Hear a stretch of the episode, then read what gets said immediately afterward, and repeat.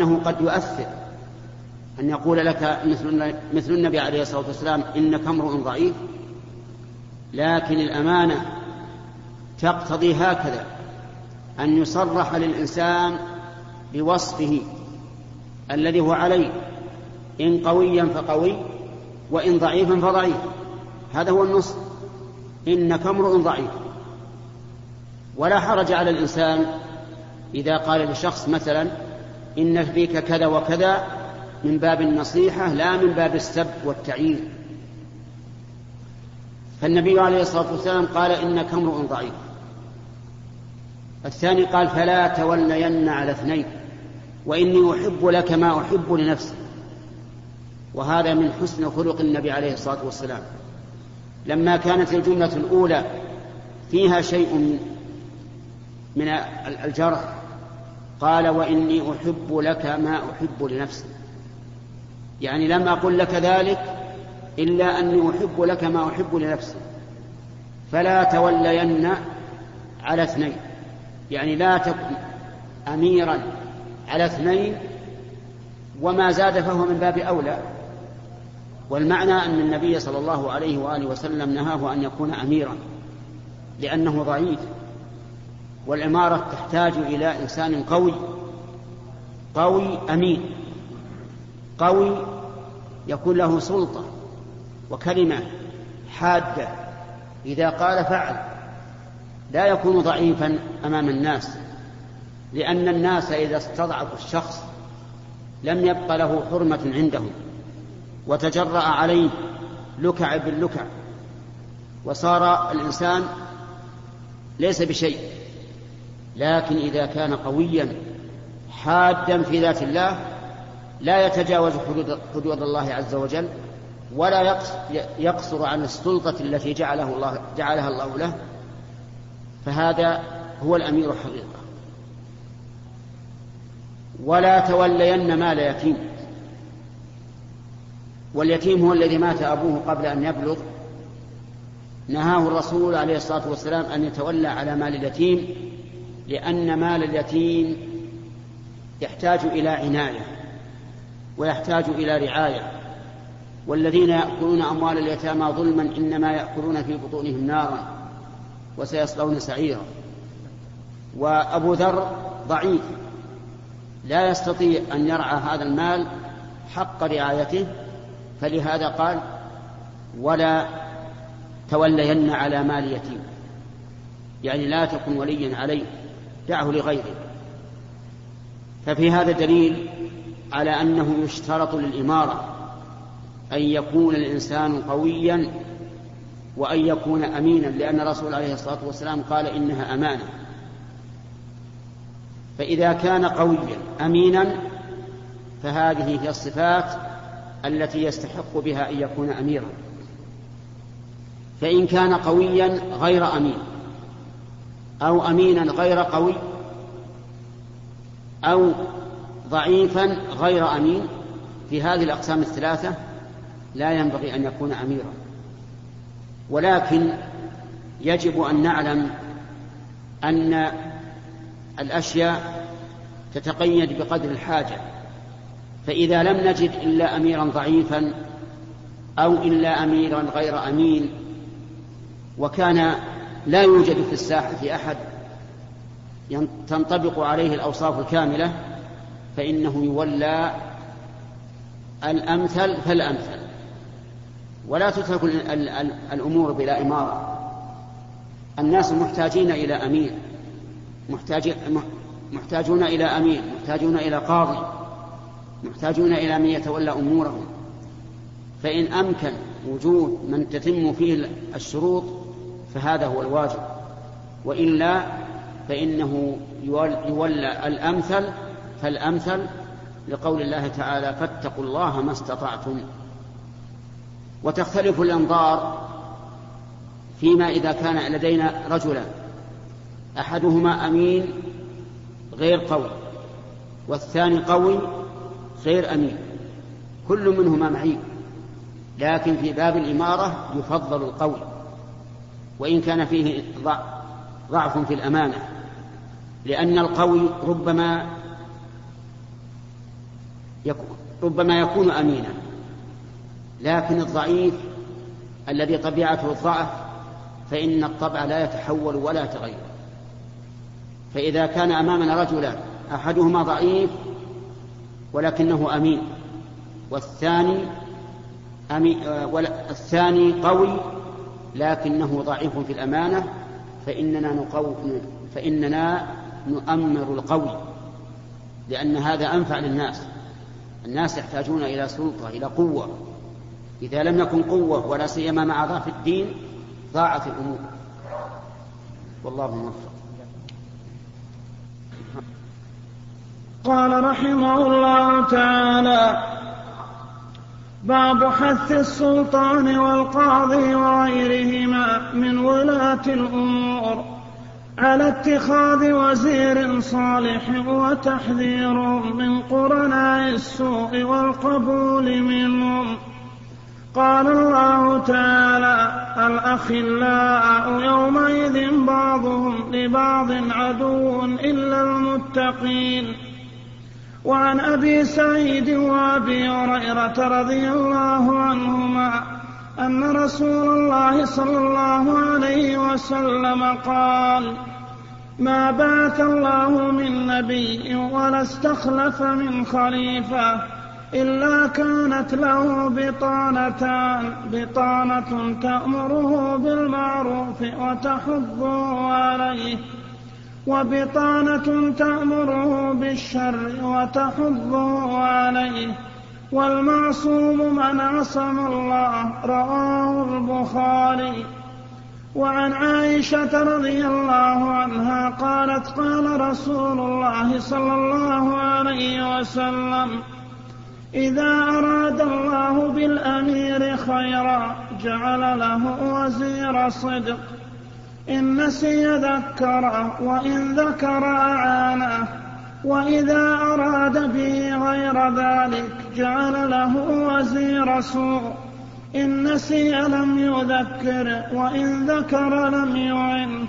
رواه أبو داود بإسناد جيد على شرط مسلم.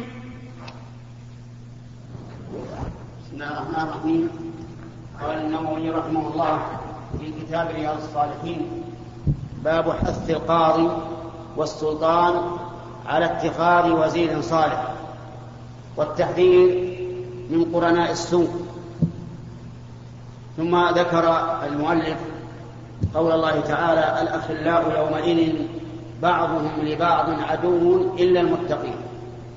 الأخلاء جمع خليل والخليل هو الذي أحبك وتحبه حبا عظيما حتى يتخلل حبه جميع البدن. وفي ذلك يقول الشاعر قد تخللت مسلك الروح مني وبذا سمي الخليل خليلا. فإذا صدق الود واشتد الود فإن أعلى أنواع المحبة هو الخلة. ولهذا اتخذ الله إبراهيم خليلا واتخذ محمدا صلى الله عليه وآله وسلم خليلا.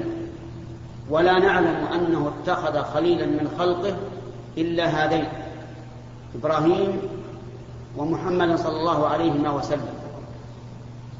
ولهذا نقول من قال إن إبراهيم خليل, خليل الله وموسى كليم الله ومحمد حبيب الله فقد هضم محمدا حقه.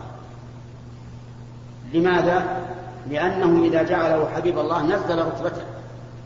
بل هو عليه الصلاة والسلام أعلى من الحبيب.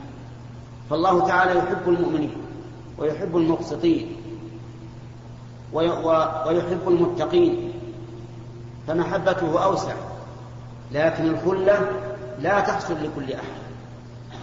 فهؤلاء المساكين الجهال يقولون محمد حبيب الله وإبراهيم خير الله.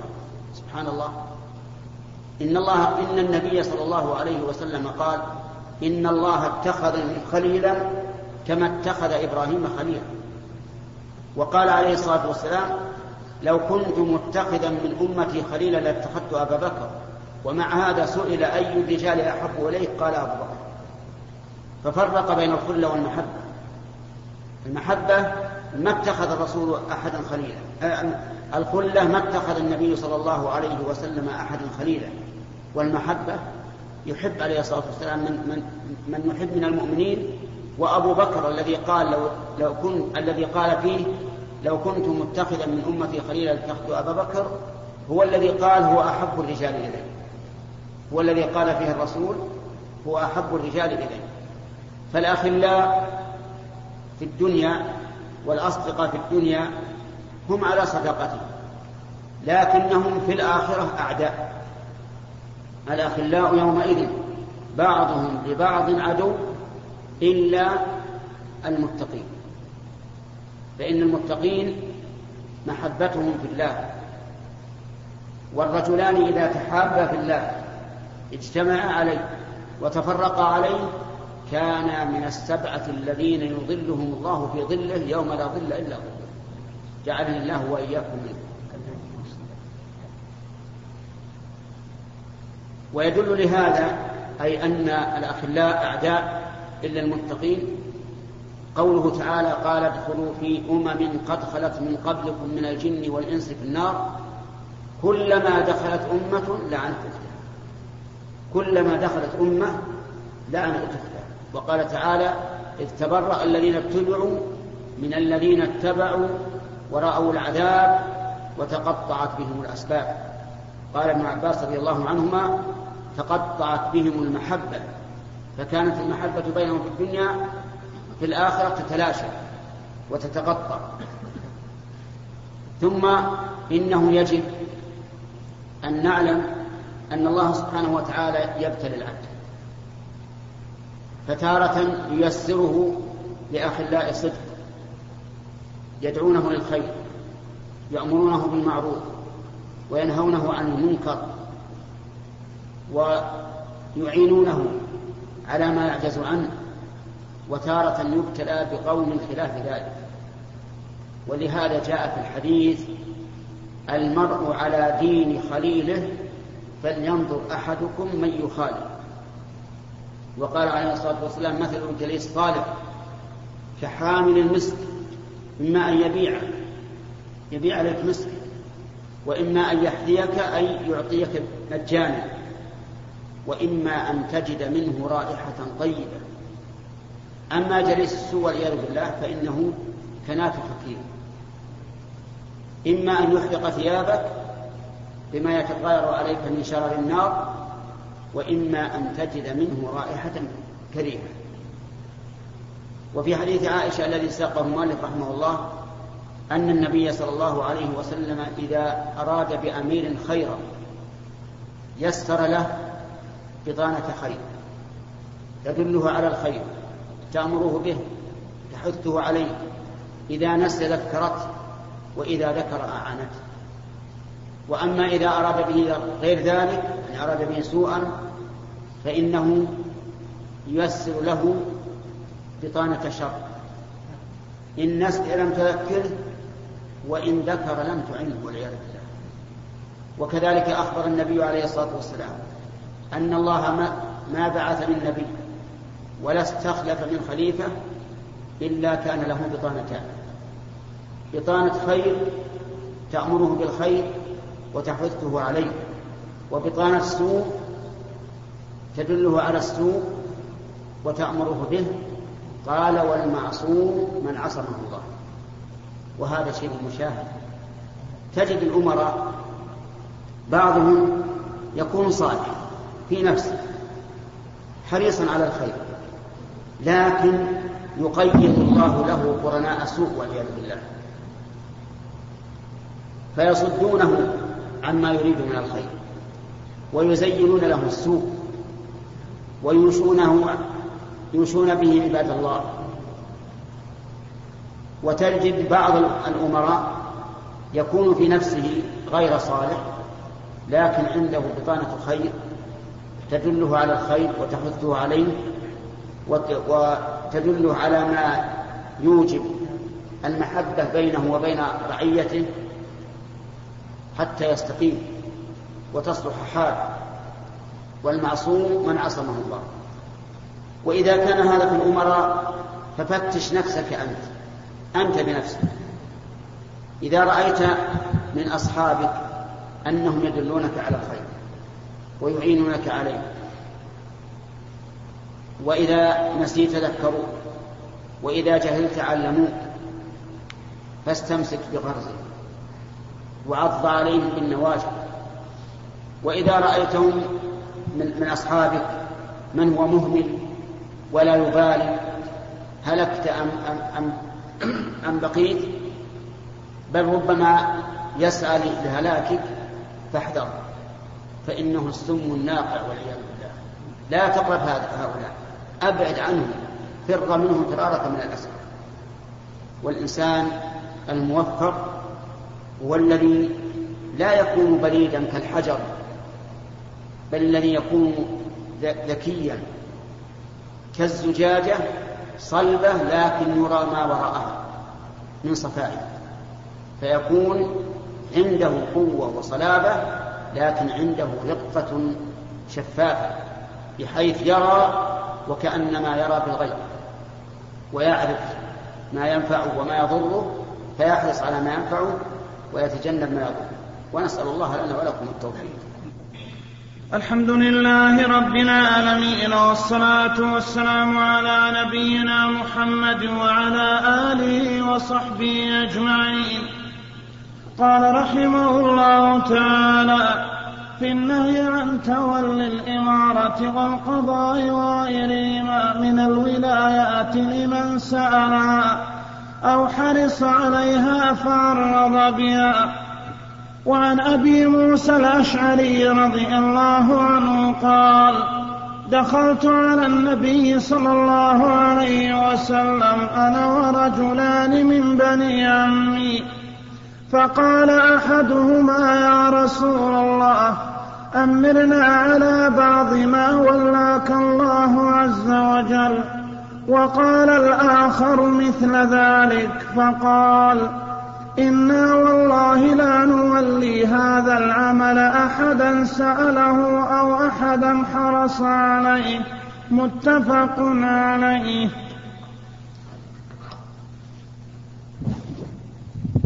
بسم الله الرحمن الرحيم.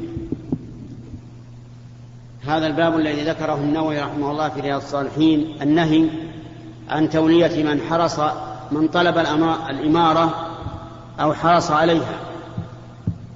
وقد سبق في حديث عبد, عبد الرحمن بن سمرة رضي الله عنه أن النبي صلى الله عليه وآله وسلم قال لا تسأل الإمارة فإنك إن سألت إن أعطيتها من غير مسألة أعنت عليها وإن أعطيتها عن مسألة وكلت إليها. كذلك أيضا لا ينبغي لولي الأمر إذا سأله أحد أن يؤمره على بلد أو على قطعة من الأرض فيها بادية أو ما أشبه ذلك أن يؤمره حتى وإن كان الطالب أهلا لذلك.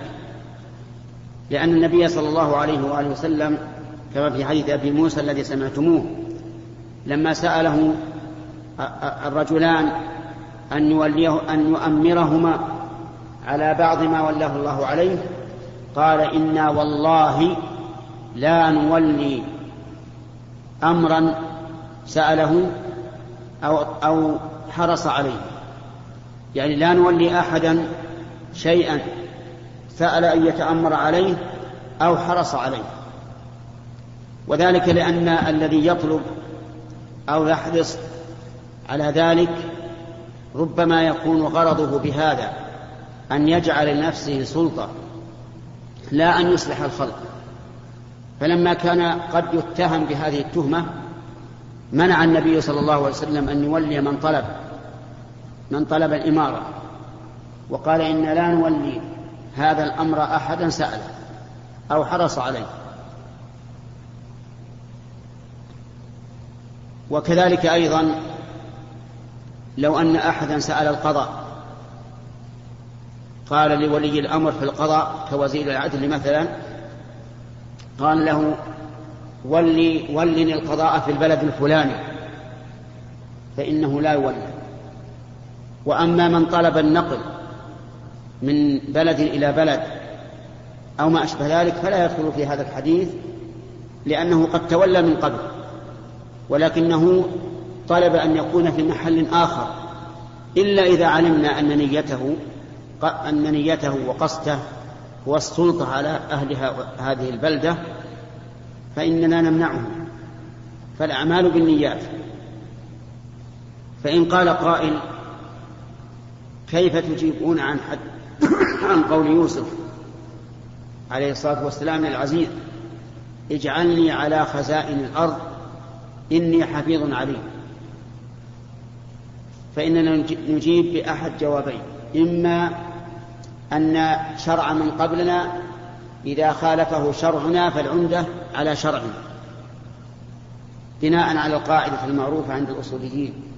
شرع من قبلنا شرع لنا ما لم يرد شرعنا بخلافه وقد ورد شرعنا بخلافه أننا لا نولي الأمر أحدا طلب الولاية عليه. أو يقال إن يوسف عليه الصلاة والسلام رأى أن المال ضائع وأنه يفرط فيه ويلعب فيه فأراد أن ينقذ البلاد من هذا التلاعب. ومثل هذا يكون الغرض منه إزالة إزالة السوء سوء التدبير وسوء العمل ويكون هذا لا بأس به. فمثلا إذا رأينا أميرا في ناحية لكنه قد أضاع الإمرة وأفسد الخلق. فلنا أن نقول ولونا على هذه هذه البلدة لأجل رفع الشر الذي فيها ويكون هذا لا بأس به ويكون متمشيا على القواعد. ويدل لهذا حديث عثمان بن العاص أو ابن أبي العاص أنه قال للنبي صلى الله عليه وآله وسلم اجعلني إمام قومي. يعني في الصلاة. فقال أنت إمامه. فولي الأمر ينظر ما هو السبب في أن هذا الرجل طلب أن يكون أميرا طلب أن يكون قاضيا طلب أن يكون إماما ثم يعمل بما يرى أن فيه المصلحة. والله موفق. الحمد لله رب العالمين والصلاة والسلام على نبينا محمد وعلى آله وصحبه أجمعين. قال رحمه الله تعالى كتاب الأدب باب الحياء وفضله والحث باب الحياء وفضله والحث على التخلق به.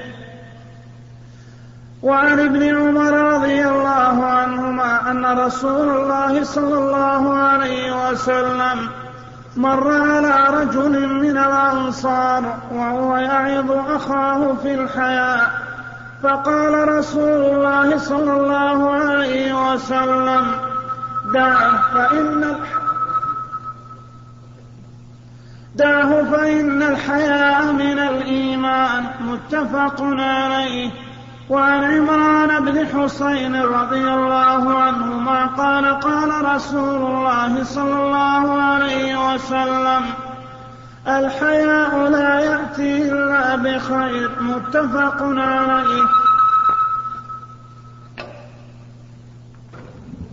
بسم الله الرحمن الرحيم. قال المؤلف النووي رحمه الله في كتابه رياض الصالحين كتاب الأدب باب الحياء وفضله والحث عليه. الأدب الأخلاق التي يتأدب بها الإنسان. وهي أنواع كثيرة منها الكرم والشجاعة وطيب النفس وانشراح الصدر وطلاقة الوجه وغير ذلك كثير. فالأدب هو عبارة عن أخلاق يتخلق بها الإنسان يمدح عليها. ومن ومنها الحياء. والحياء صفة في النفس تحمل الإنسان على فعل ما يجمل ويزين وترك ما يدنس ويشين فتجده إذا فعل شيئا يخالف المروءة استحيا استحيا من الناس وإذا فعل شيئا محرما استحيا من الله عز وجل وإذا ترك واجبا استحيا من الله وإذا ترك ما ينبغي فعله استحيا, استحيا من الناس. فالحياء من الإيمان. ولهذا ذكر ابن عمر رضي الله عنهما أن النبي صلى الله عليه وسلم مر برجل من الأنصار يعظ أخاه في الحياء. يعظه في الحياء يعني أنه يحثه عليه ويرغبه فيه. فبين النبي عليه الصلاة والسلام أن الحياء من الإيمان.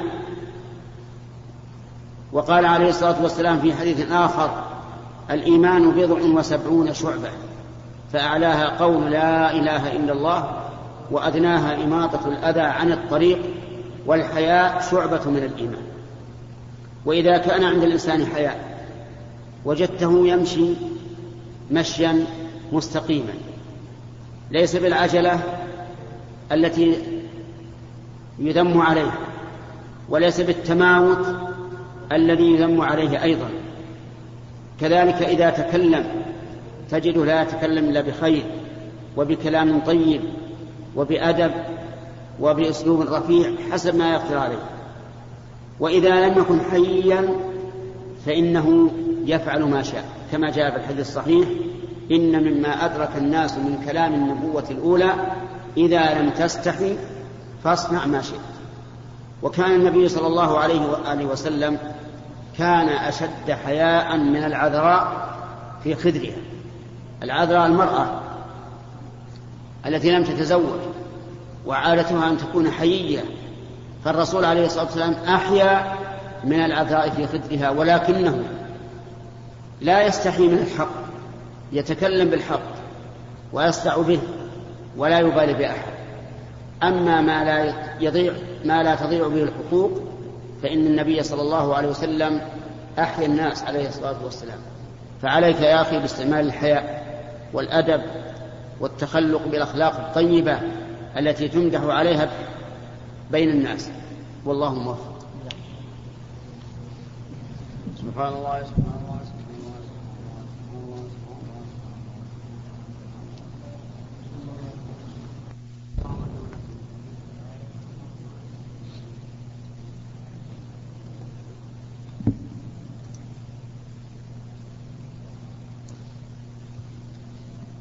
بسم الله الرحمن الرحيم.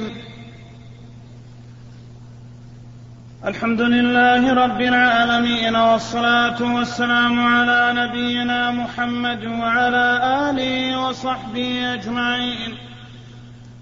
قال رحمه الله تعالى وعن أبي هريرة رضي الله عنه أن رسول الله صلى الله عليه وسلم قال الإيمان بضع وسبعون أو قال وست أو أو بضع وستون شعبة فأفضلها قول لا إله إلا الله وأدناها إماطة الأذى عن الطريق والحياء شعبة من الإيمان متفق عليه.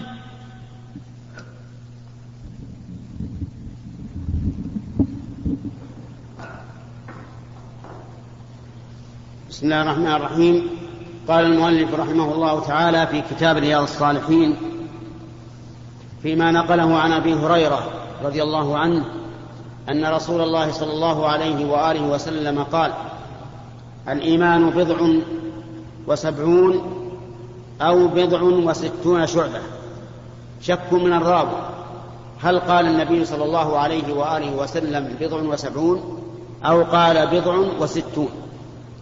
فأفضلها وفي لفظ فأعلاها قول لا إله إلا الله وأدناها إماطة الأذى عن الطريق والحياء شعبة من الإيمان هذا هو الشاهد لهذا الباب باب الحياء وفضله في هذا الحديث بين الرسول عليه الصلاة والسلام أن الإيمان شعب شعب كثيرة بضع وستون أو بضع وسبعون. ولم يبينها الرسول عليه الصلاة والسلام لأجل أن الإنسان بنفسه يجتهد ويتتبع نصوص الكتاب والسنة حتى يجمع هذه الشعب ويعمل بها. وهذا كثير أي أنه يكون في القرآن والسنة أشياء مبهمة يبهمها الله ورسوله من أجل امتحان الخلق ليتبين الحريص من غير الحريص. فمثلا ليلة القدر في العشر الأواخر من رمضان أو في السبع الأواخر من رمضان. لكن لا يعلم أي ليلة هو هي من أجل أن يحرص الناس على العمل في كل الليالي. رجاء هذه الليلة.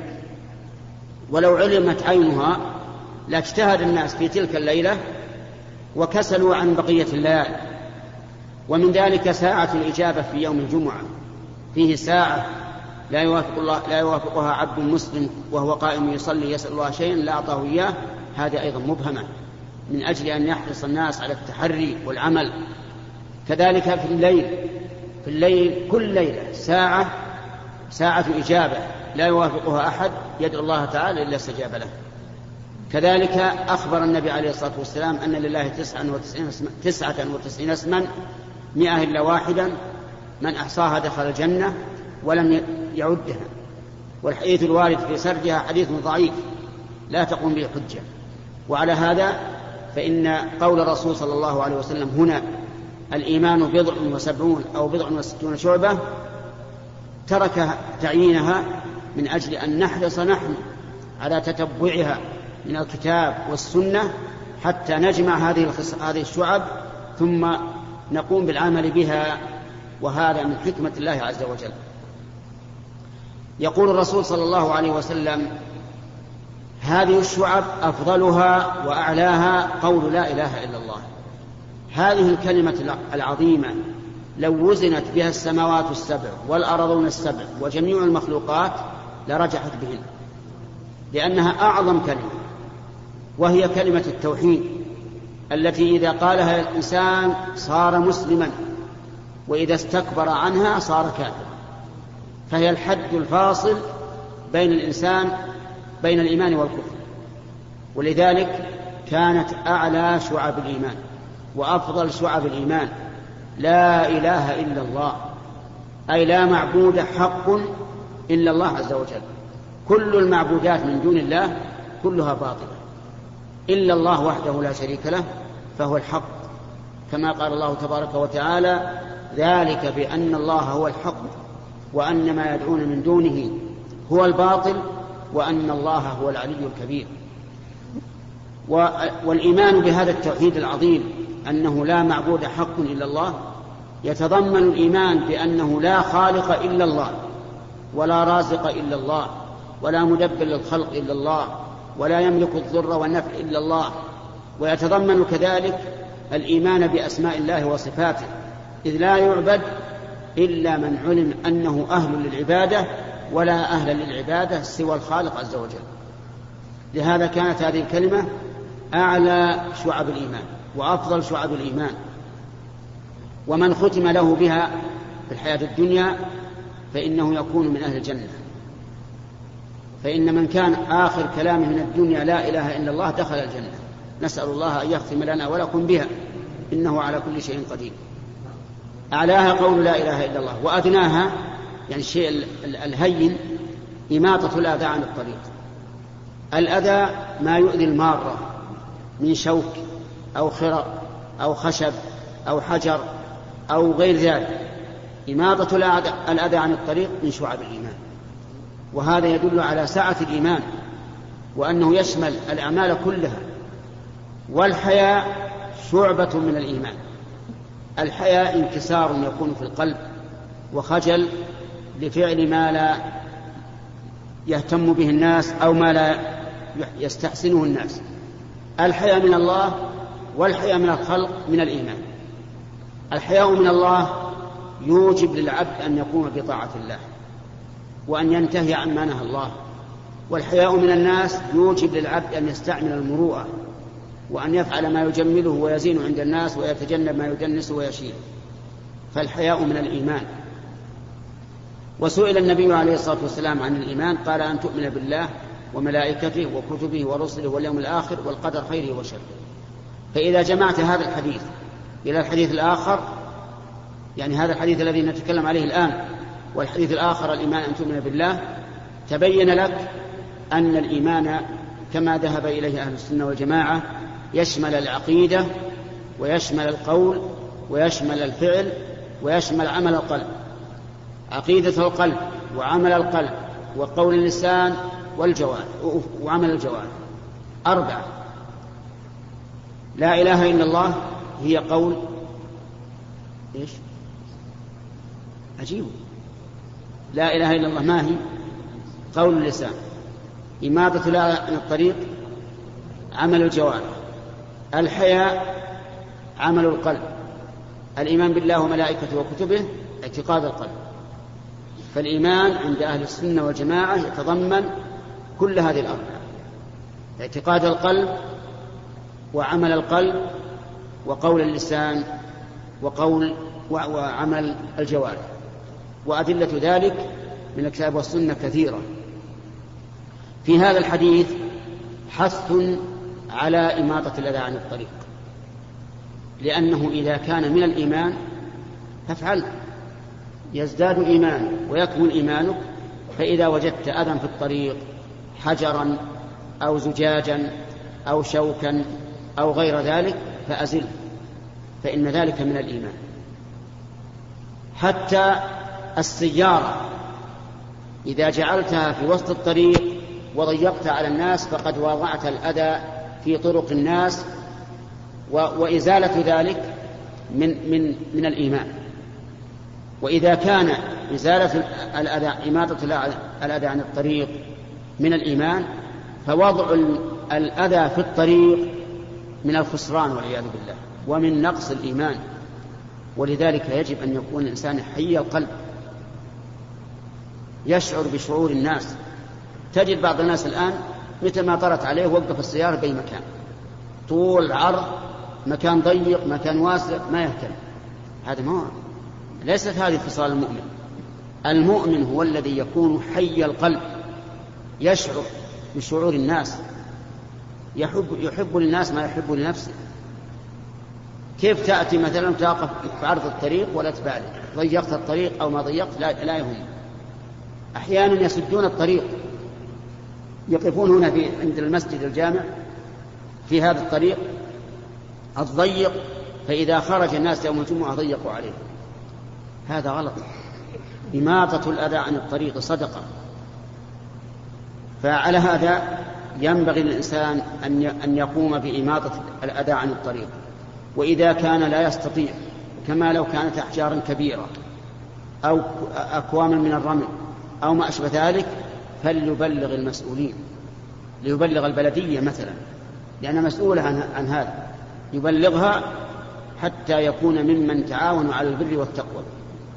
الحياء شعبة من الإيمان. فإذا كان الإنسان حيا لا يتكلم بما يدنس عند الناس ولا يفعل ما يدنسه عند الناس بل تجده وقورا ساكنا مطمئنا فهذا من علامة الإيمان. والله موفق.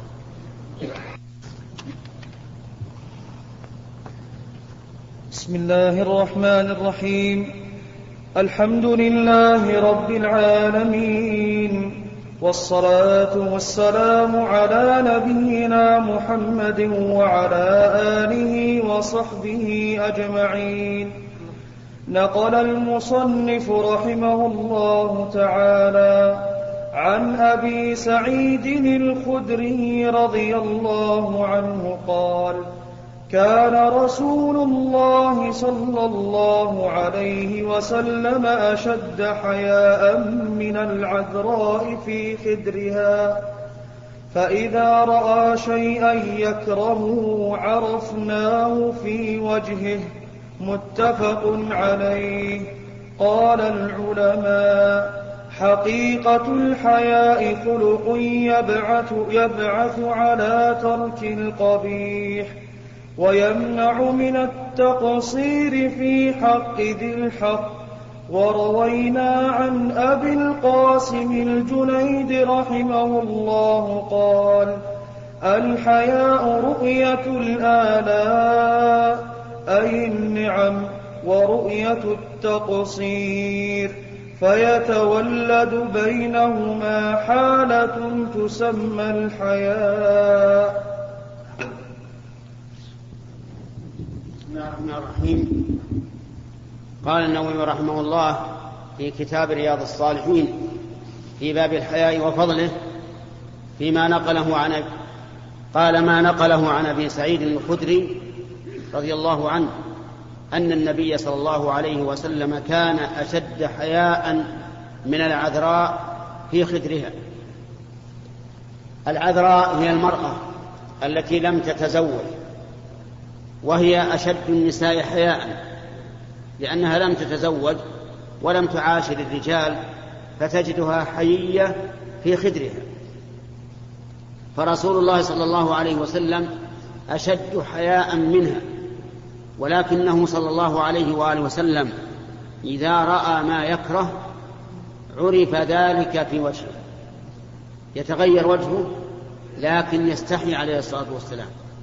وهكذا ينبغي للمؤمن أن يكون حييا لا يتخبط ولا يفعل ما يخجل ولا يفعل ما ينتقد عليه. ولكن إذا سمع ما يكره أو رأى ما يكره فإنه يتأثر.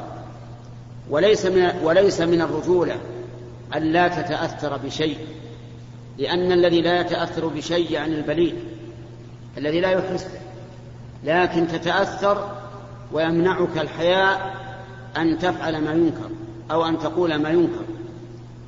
ثم إن الحياء لا يجوز أن يمنع الإنسان من السؤال عن دينه فيما يجب عليه. لأن ترك السؤال عن الدين فيما يجب ليس حياء ولكنه خور فالله عز وجل لا يستحي من الحق. قالت عائشة رضي الله عنها نعم النساء نساء الأنصار. لم يمنعهن الحياء أن يتفقهن في الدين. فكانت المرأة تأتي تسأل النبي صلى الله عليه وآله وسلم عن الشيء الذي يستحي من ذكره الرجال. لكن باب الدين لا بد أن يسأل الإنسان عن دينه ولا يستحي. ولهذا لما جاء ماعز بن مالك رضي الله عنه إلى النبي عليه الصلاة والسلام جاء يقر بالزنا يقول إنه, إنه زنى فأعرض عنه النبي عليه الصلاة والسلام. ثم جاء ثانية وقال إنه زنى فأعرض عنه. ثم جاء ثالثة وقال إنه زنى. فأعرض عنه النبي عليه الصلاة والسلام. يريد أن يتوب فيتوب الله عليه. فجاء الرابعة. فلما جاء الرابعة ناقشه النبي عليه الصلاة والسلام. قال أبك جنون؟ قال لا يا رسول الله. قال أتدري ما الزنا؟ قال نعم. الزنا أن يأتي الرجل من, من المرأة ما يأتي, ما يأتي الرجل من امرأته نعم أن يأتي الرجل من المرأة حراما ما يأتي الرجل من زوجته حلالا فقال له أنكتها لا يكفي صرح مع أن هذا مما يستحيا منه لكن الحق لا يستحيا منه. قال له أنكتها قال نعم. قال أغيبت ذكرك في فرجها كما يغيب المرود في المكحلة والرشا في البئر؟ قال نعم. فهذا شيء يستحيا منه لكن في باب الحق لا تستحي. جاءت أم سليم إلى إلى رسول الله صلى الله عليه وسلم تسأله فقالت يا رسول الله إن الله لا يستحي من الحق. هل على المرأة من غسل هي احتلمت؟ قال نعم إذا إذا هي رأت الماء.